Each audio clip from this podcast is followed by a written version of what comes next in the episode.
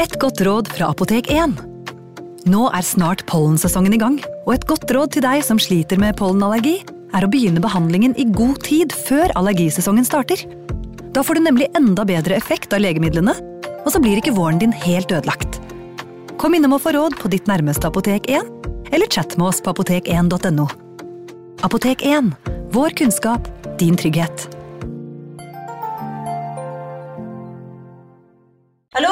Jeg kommer fra Oslo politikammer. Ine Jansen er purk. Er du purk? The motherfucking bitch. Alt jeg vil, er å finne ut hva som skjedde med mannen min. Jon Carew. Er jeg sikta for noe? Iben Akeli. Det er du. Ole So, Lars Berrum og Big Daddy Karsten. Hvem sin side er du på, egentlig? Anette Hoff, Tone Danielsen, Kommer du fra Afrika? Jørnis Josef, Nesten kløfta. Trond Espen Seim, Det er synd å si det, men det var feil mann som døde. Purk. Premiere tirsdag på TV2 Play. Ungsamtalen fra DNB er økonomisk veiledning tilpasset deg som er ung. Bokk en ungsamtale på dnb.no. slash ung. Det er kjempebra hvis du skal inn på boligmarkedet, hvis det er drømmen din, liksom. Det er det du skulle sagt. Og så kunne du ropt litt mer, da, sånn som jeg gjorde. Bam! Advarsel. Historiene vi forteller i denne podkasten kan være fiktive og avvike fra den opprinnelige historien av dramaturgiske årsaker. Meninger og påstander i historiene reflekterer nødvendigvis ikke programledernes meninger eller virkeligheten.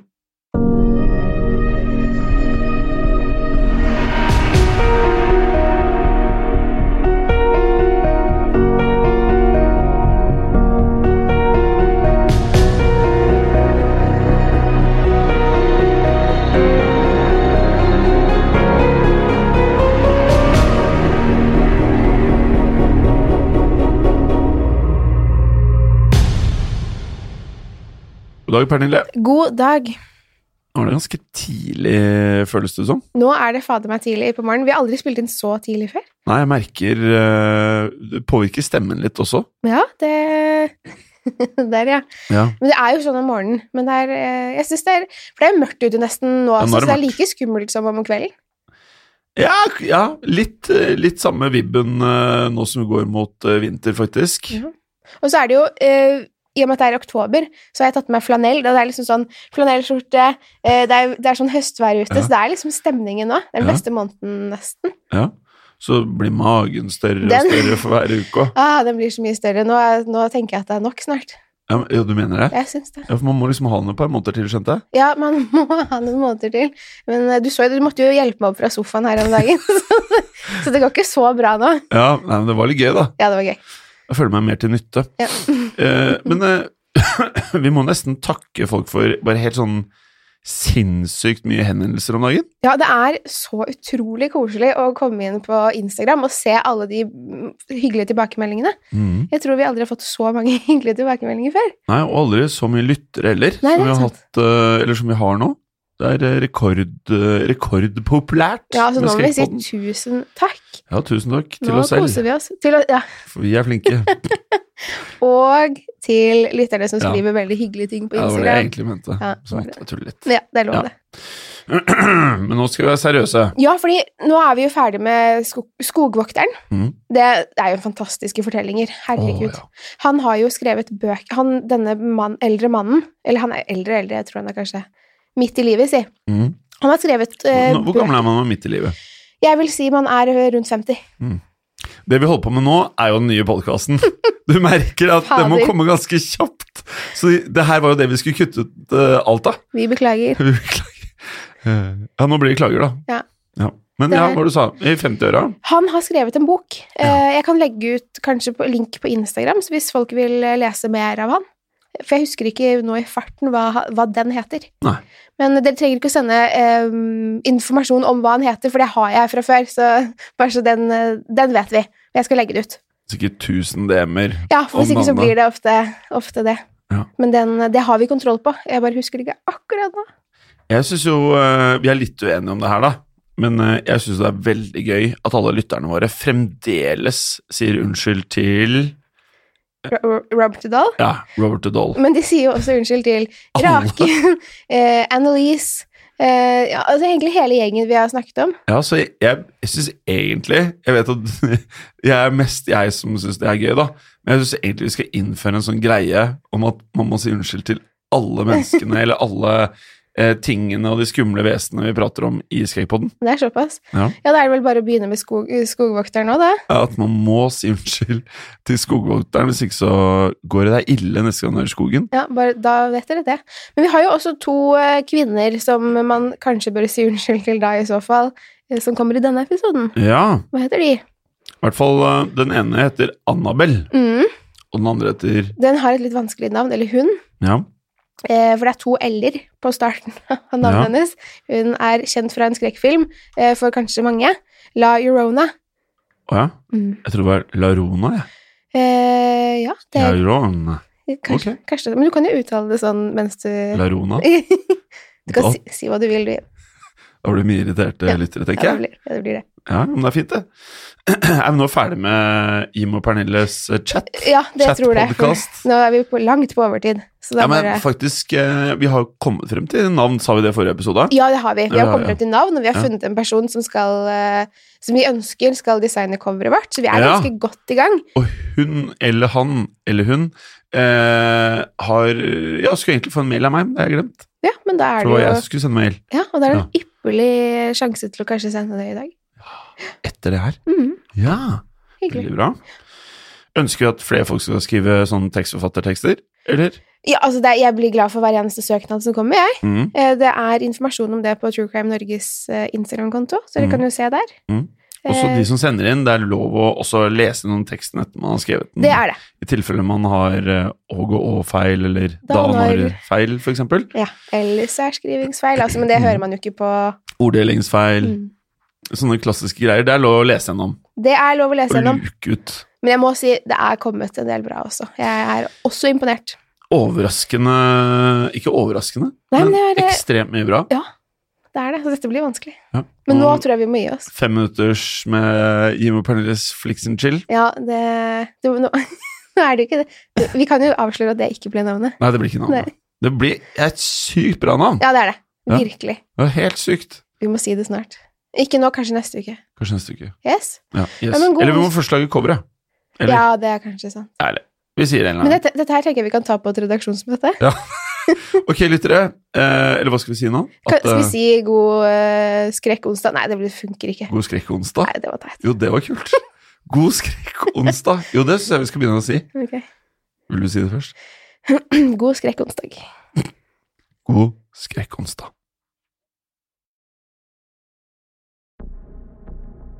Annabelle. Dette er den sanne historien om Annabelle, dukken som senere skulle inspirere filmskapere. I 1970 kjøpte en kvinne en gammel Raggedy Ann-dukke i bursdagsgave til sin datter Donna, en student i siste innspurt av sykepleierutdanningen. Hun bodde i en liten leilighet sammen med romkameraten sin, Angie. Donna likte godt den søte dukken og bestemte seg for å kalle den Annabelle. Hun satte bursdagsgaven til pynt i enden av sengen sin, uten å tenke noe særlig over saken. Det gikk ikke mer enn noen dager før Donna og Angie la merke til at det var noe veldig merkelig og urovekkende med nye dukken. Plutselig hadde den på mystisk vis begynt å bevege seg. Først var det bare små bevegelser som han lett kunne oversett som endringer i sittestillingen. Deretter begynte hun å dukke opp i forskjellige rom. Noen ganger fant Don og Angie dukken i et helt annet rom når de kom hjem enn da de hadde dratt om morgenen. Noen ganger fant de den med armene i kors og et ben over det andre. Andre ganger fant de den stående rett opp og ned. Ofte satt Donna dukken på sofaen før hun dro på jobb, men fant dukken sittende i sengen på rommet hennes da hun kom hjem. Selv om hun hadde både lukket og låst døren til rommet sitt før hun dro, kunne dukken finne på å sitte der inne når hun kom hjem. Omtrent en måned etter Annabels ankomst begynte Don og Angie å finne håndskrevne beskjeder på pergamentpapir liggende rundt om i leiligheten. Hjelp oss, og hjelp Lu, sto det på dem. Skrevet med håndskrift som lignet et barns. Det skumleste ved dette var ikke selve beskjedene, mente Donna, men hva de var skrevet på. Verken hun eller Angie hadde noensinne hatt pergamentpapir i leiligheten.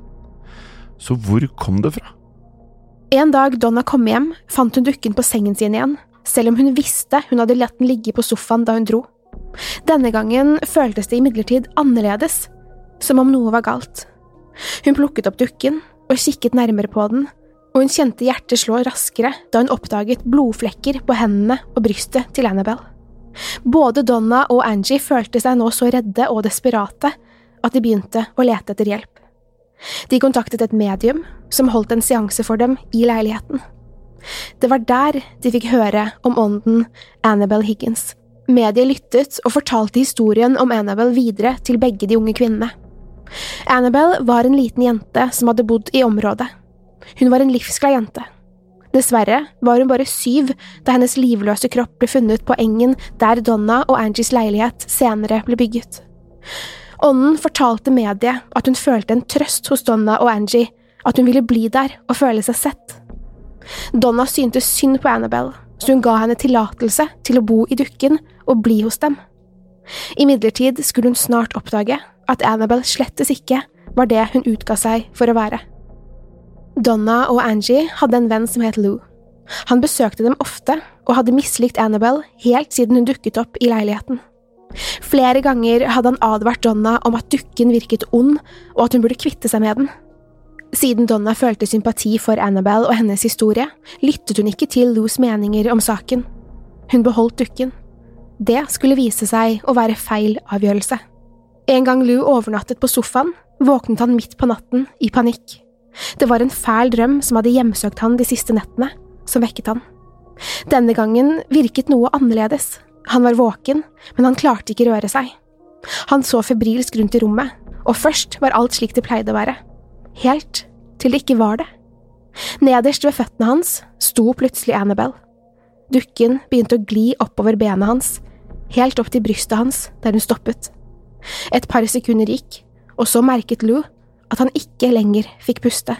Dukken stirret på han mens han gispet etter luft han ikke fikk tak i, og det gikk opp for Lou at det var dukken som kvalte han. Det harde grepet rundt halsen hans strammet seg helt til alt svartnet, og han besvimte av oksygenmangel. Da han våknet dagen etter, bestemte han seg skjelvende for å kvitte seg med dukken og ånden en gang for alle.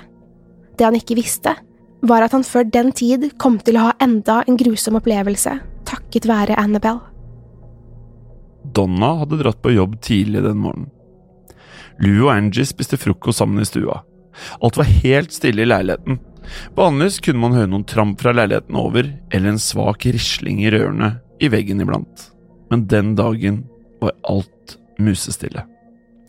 Plutselig hørte Angie og Lou en raslende lyd fra Donnas rom.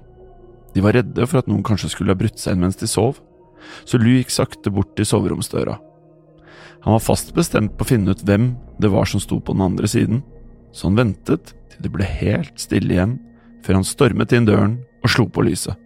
Rommet var helt tomt, bortsett fra Annabelle, som lå slengt på gulvet i et hjørne. Lus blikk finkjemmet rommet etter spor av innbrudd, men alt var slik det pleide å være.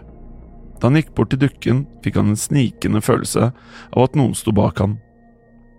Han spant rundt for å se, men det var ingen der, så plutselig sto han der bøyd og holdt seg til brystet, som var rødt av blod. Skjorten hans ble seig av alt blodet da han rev opp knappene, så han syv lange sår som så ut som de var laget av enorme klør. De strakte seg over brystet hans, tre vertikale og fire horisontale, og de sved som brannsår. Han ropte, og Angie løp inn, og mens de så på sårene, la de merke til at de blødde mindre og mindre, til det stoppet helt. Så rett foran øynene deres begynte det å danne seg en skorpe over sårene.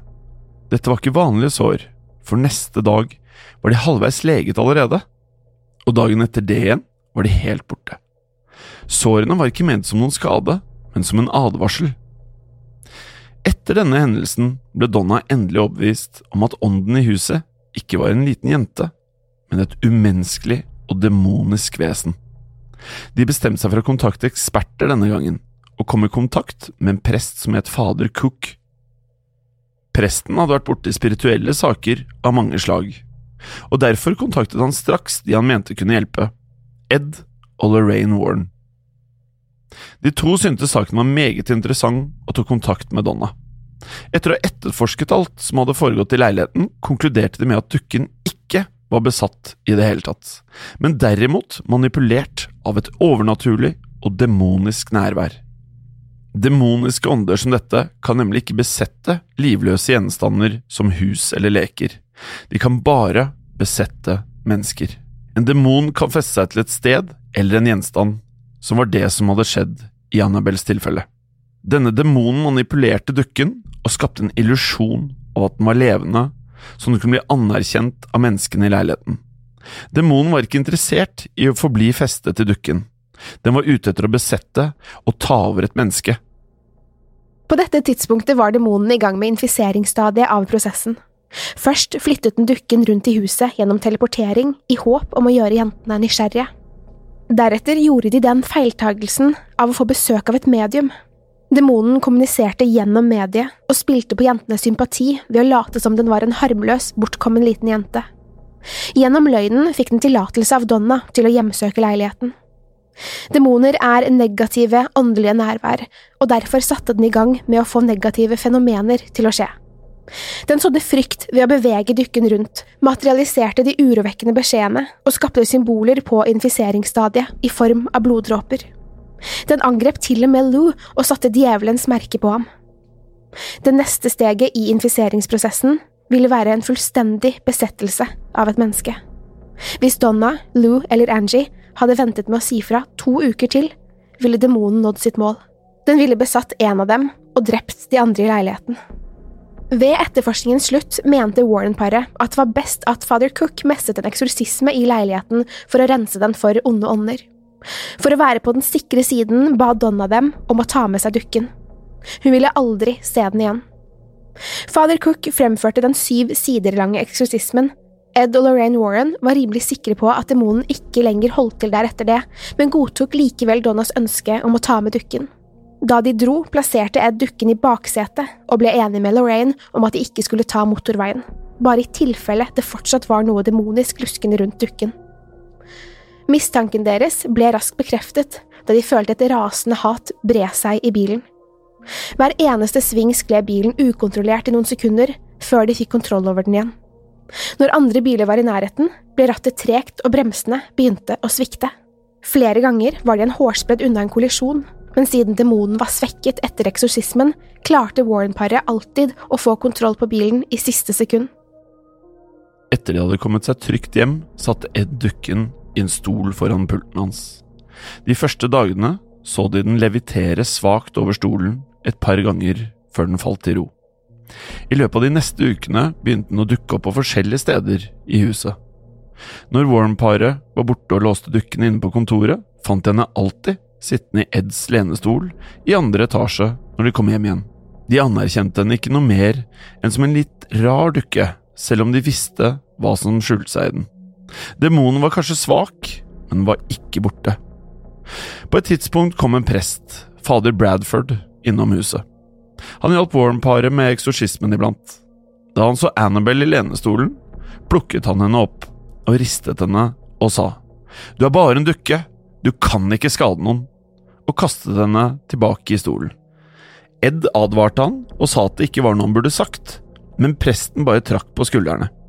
Da presten dro en time senere, ba Lorraine han om å være forsiktig på kjøreturen og ringe henne med en gang han kom hjem. Lorraine fryktet han skulle bli utsatt for noe forferdelig. Noen timer senere ringte fader Bradford henne og fortalte at bremsene hans hadde sviktet fullstendig rett foran et travelt lyskryss. Han hadde truffet en annen bil og blitt hardt skadet. Lorraine og Ed var helt sikre på at dette var Annabelle sitt verk. De bygde en helt spesiell boks for Annabelle og plasserte den i museet deres. Museet for okkulte gjenstander. Hun er der fortsatt den dag i dag, etter hun ble plassert i den spesiallagde boksen, virker det som hun ikke lenger kan flytte på seg. Warren-paret mistenker likevel at hun er ansvarlig for minst ett dødsfall som skjedde mens hun satt der. En dag besøkte en mann og kjæresten hans museet. Da Ed fortalte dem om Annabels historie, gikk mannen bort til boksen og begynte å banke på den. Han flirte hånlig til dukken og sa at hvis den pleide å klore opp folk, så burde den jo kunne klare å klore litt på han også. Ed stoppet han og viste dem begge ut av museet. De satte seg på motorsykkelen til mannen og suste av gårde. På veien hjem fortsatte mannen og kjæresten å le og gjøre narr av dukken. Plutselig mistet mannen kontrollen over motorsykkelen. Styret vred seg, bremsene virket ikke, og de smalt rett inn i et tre ved veien. Den unge mannen døde på stedet, men kjæresten hans overlevde og var på sykehuset i ett år. Når noen spurte om hva som hadde skjedd, sa hun bare at de hadde gjort narr av dukken da motorsykkelen krasjet. Det var slike hendelser som gjorde at Ed begynte å advare alle som kom til museet. Du bør ikke utfordre, og du bør ikke gjøre narr av demoniske vesener. De har djevelens kraft i seg. Annabelle er fortsatt trygt plassert i museet, men det betyr ikke at hun er ufarlig. Du bør ikke legge deg ut med djeveldukken.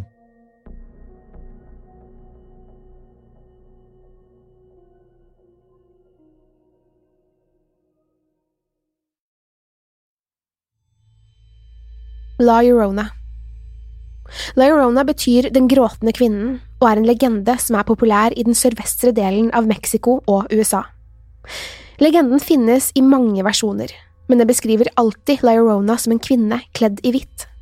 Det er hennes skjebne å vandre i nærheten av elver og innsjøer mens hun gråtende roper på barna sine.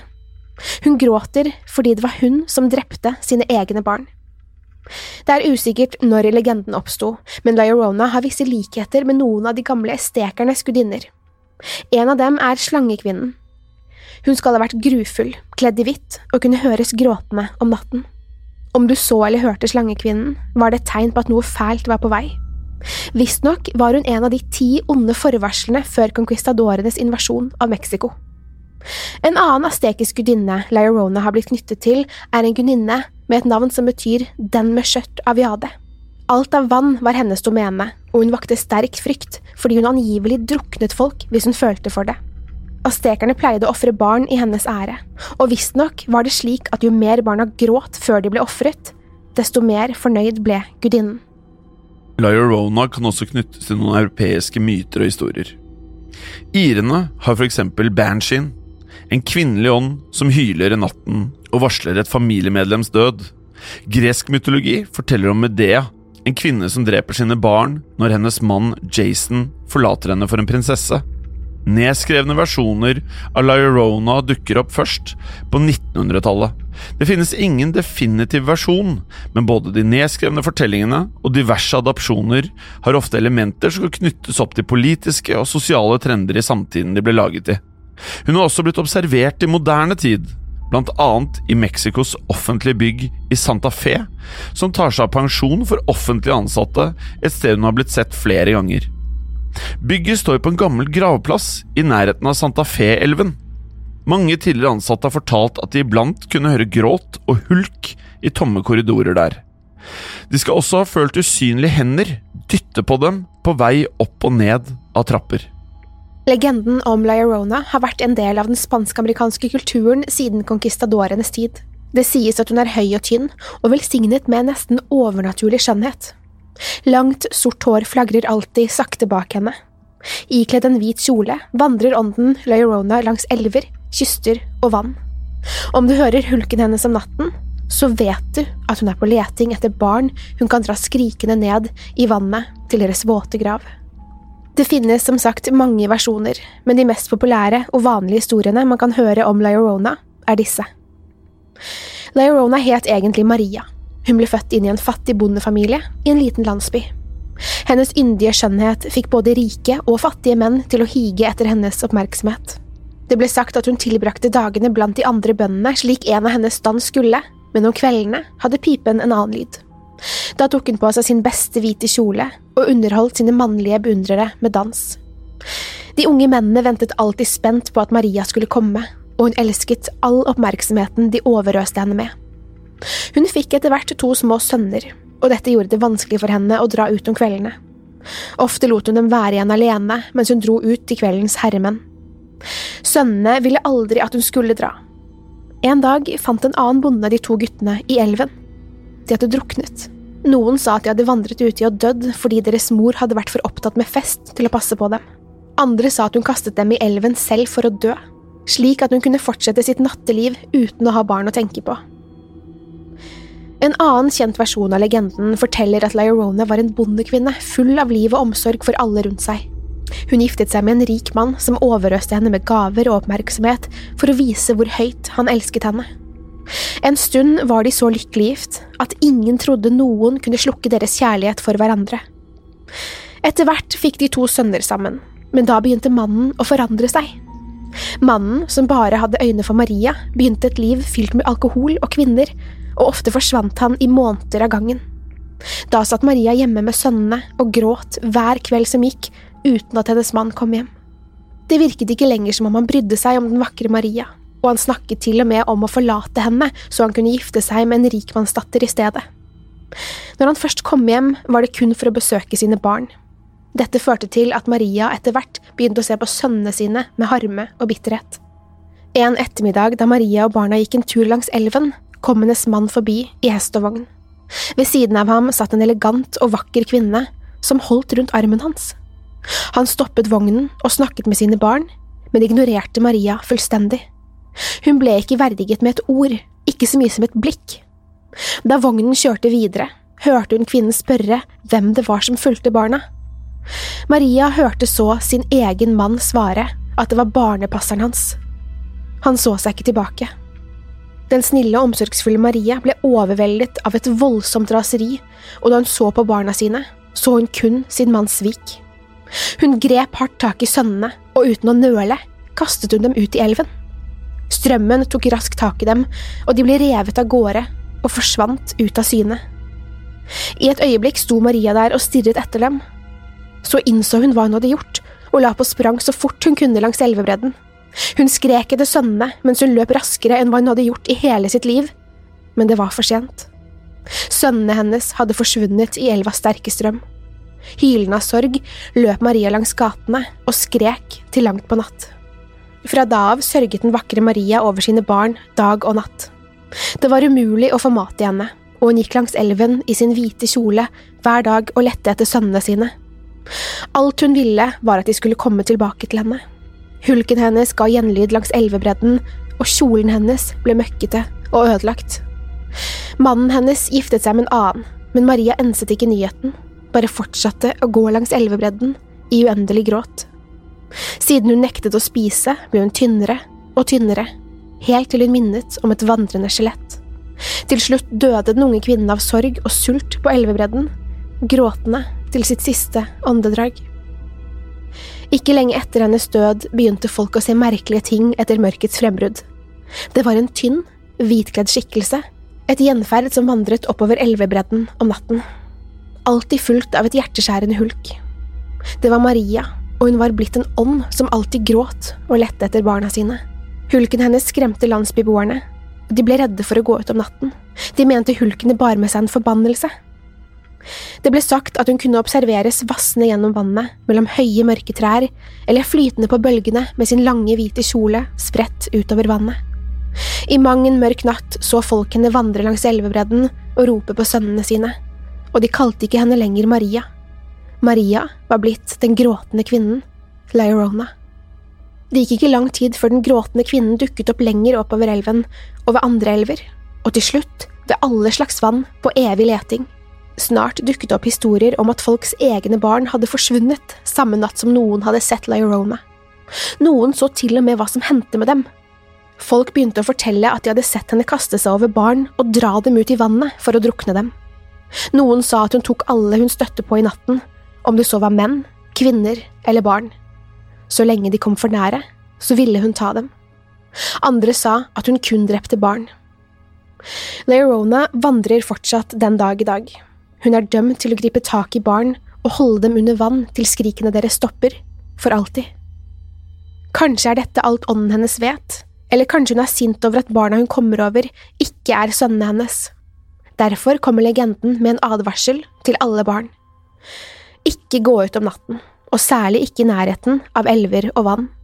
For én ting er sikkert, på sin evige leting er hun aldri redd for å drepe igjen på samme måte som hun drepte sønnene sine. Hun har ingen nåde. Ofte sies det at de som ikke behandler familiene sine bra, vil se Liorona om natten og bli straffet for sin oppførsel. Det finnes flere historier om de som har sett henne. En av dem handler om en ung gutt som het Epifanio Garcia. Han var ikke redd for å si sin mening, og han kranglet ofte med foreldrene sine.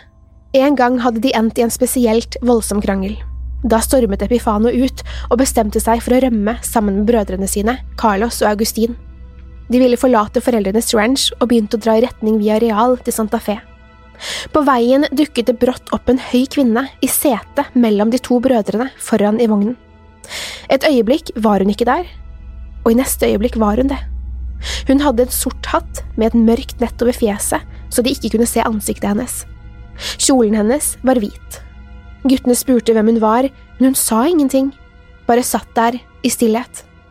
Hun satt der helt stille, og det gikk opp for guttene at dette måtte være en ånd. Ånden sa ingenting, og til slutt stoppet Epifano hestene og snudde vognen tilbake i retningen de kom fra. Da han begynte på hjemveien, åpnet ånden munnen for første gang. Hun sa, Jeg skal besøke deg igjen en dag du krangler med din mor. Deretter forsvant hun. Epifano og brødrene hans sa ikke et ord til hverandre før de kom hjem igjen. I ettertid mente Epifano at ånden han hadde støtt på, var den sagnomsuste Laurona. En mann som het Patricio, skrev ned sitt møte med Laurona da han var en ung gutt på 1930-tallet i New Mexico. Han fortalte at han lekte utenfor huset sitt i Santa Fe da han så en merkelig kvinne. Foreldrene hans var også ute og stelte med området. Patricio skulle til å si noe, men foreldrene hans ble helt stille, og plutselig fikk han ikke åpnet munnen. Hele familien sto der og stirret på kvinnen med nysgjerrige blikk. Kvinnen var høy og tynn, og kledd i hvitt fra topp til tå. Hun krysset veien ved huset og gikk mot en liten bekk i nærheten. Eller, Patricio mente at hun ikke gikk som et vanlig menneske.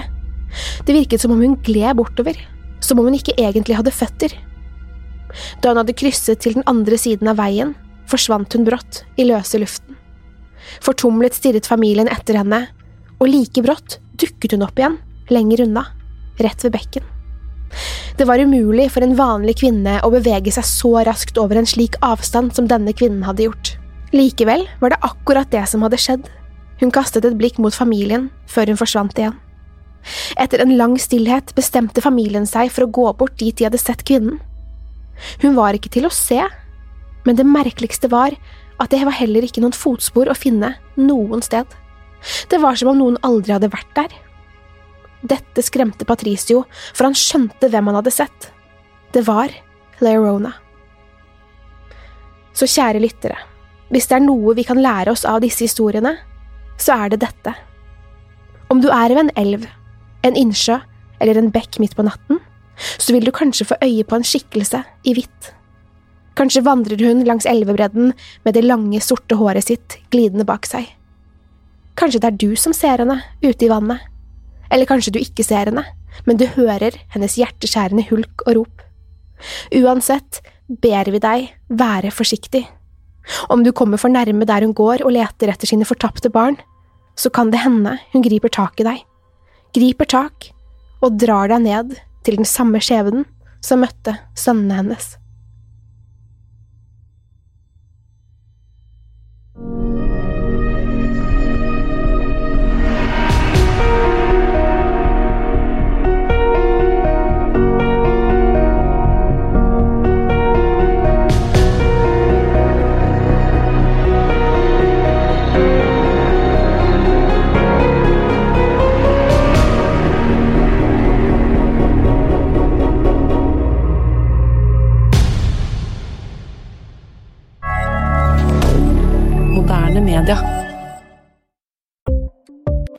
Ukens annonsør er Folio, en smartere banktjeneste for deg som har en egen bedrift eller ønsker å starte for deg selv. Folio er en superenkel nettbank for bedrifter. Som kunde i Folio får du en bedriftskonto med et bedriftskort og app. I denne appen er det smarte løsninger som forenkler regnskapet ditt, uansett om du har en liten bedrift eller et enkeltpersonsforetak. Folio er både intuitivt og brukervennlig, og er laget med et enkelt språk. I tillegg tilbyr de forutsigbare priser og ingen skjulte gebyrer. Skulle du likevel trenge det, så kan du snakke med deres raske og hyggelige kundeservice, og der får du prate med en faktisk person og ikke en chatbot. Folio er med andre ord både enklere og koseligere enn banken. Over 10 000 bedrifter har allerede valgt Folio som sin banktjeneste, så besøk folio.no og se hvordan Folio kan forenkle din hverdag også. Har du et enkeltpersonforetak eller en liten bedrift? Da er du sikkert lei av å høre meg snakke om hvor enkelt det er med kvitteringer og bilag i fiken, så vi eh, gir oss her, vi. Fordi vi liker enkelt. Fiken superenkelt regnskap. Kiwi er billigst i VGs matbørs og har vært billigst i fire av de fem siste VGs matbørser. Og nå presser vi prisene på frukt og grønnsaker. På 200 gram broccolini setter vi prisen til 24,90. På 400 gram Cevita blåbær setter vi prisen til 49,90. Og husk, alle Kiwi Pluss-kunder får i tillegg 15% trumfbonus på all fersk frukt og grønt. For det er vi som er prispresserne. Og vi i Kiwi gir oss aldri på pris.